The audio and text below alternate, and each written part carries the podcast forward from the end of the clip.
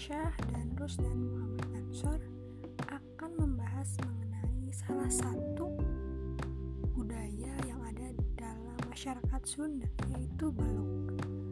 Poin-poin yang akan kami bahas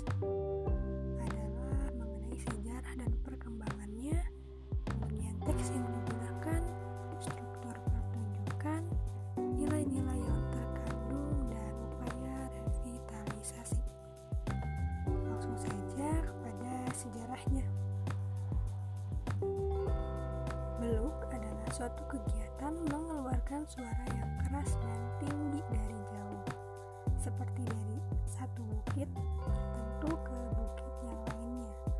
Beluk dilakukan sebagai tanda bahwa sudah atau sedang ada orang di ladang.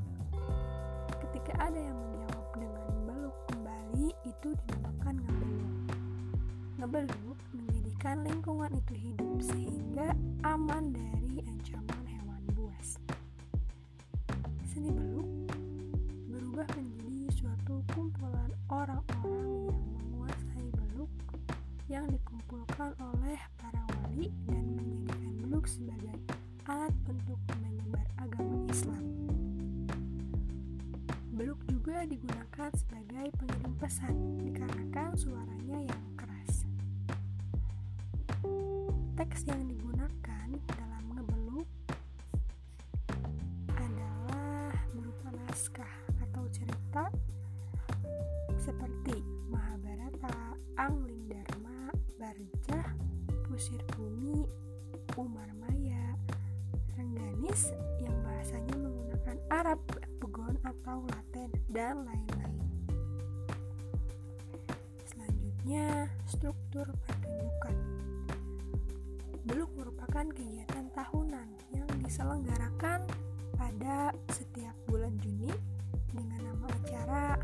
Ngalaksa.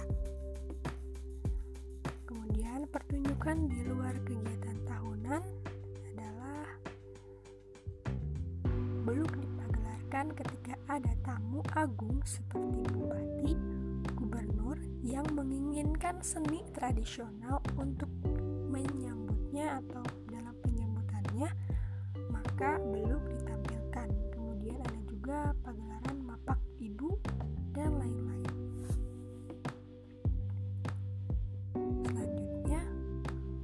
untuk pementasan seni beluk bisa dimodifikasi dengan tarian atau menggunakan alat-alat musik tradisional. Beluk memiliki hubungan dengan rengkong, bajak sawah. Ketika malam, beluk dibuat sebagai pagelaran dengan menyiapkan sesajen yang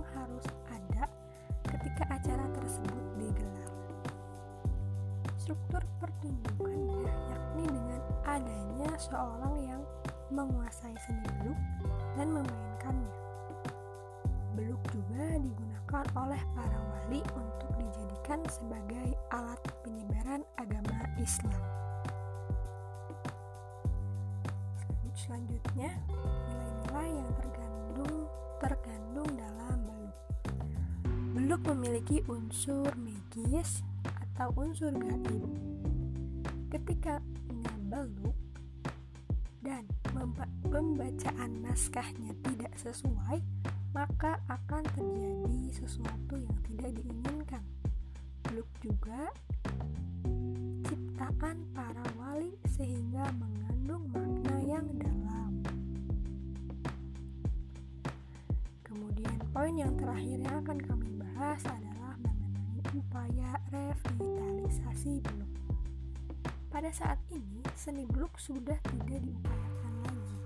Artinya, dikarenakan zaman terus berubah, seni ngebeluk semakin tidak dikenali oleh orang-orang dan hampir dilupakan. Hanya orang-orang tertentu yang bisa memainkan seni ini. Di zaman sekarang, semakin sulit dan hampir tidak ada orang yang ingin belajar ngebeluk karena bukan hanya sekedar memainkan beluk saja, tetapi mengeluarkan suara yang sangat keras dalam ngebeluk. Kemudian orang yang memainkan seni ini harus hafal dan harus tahu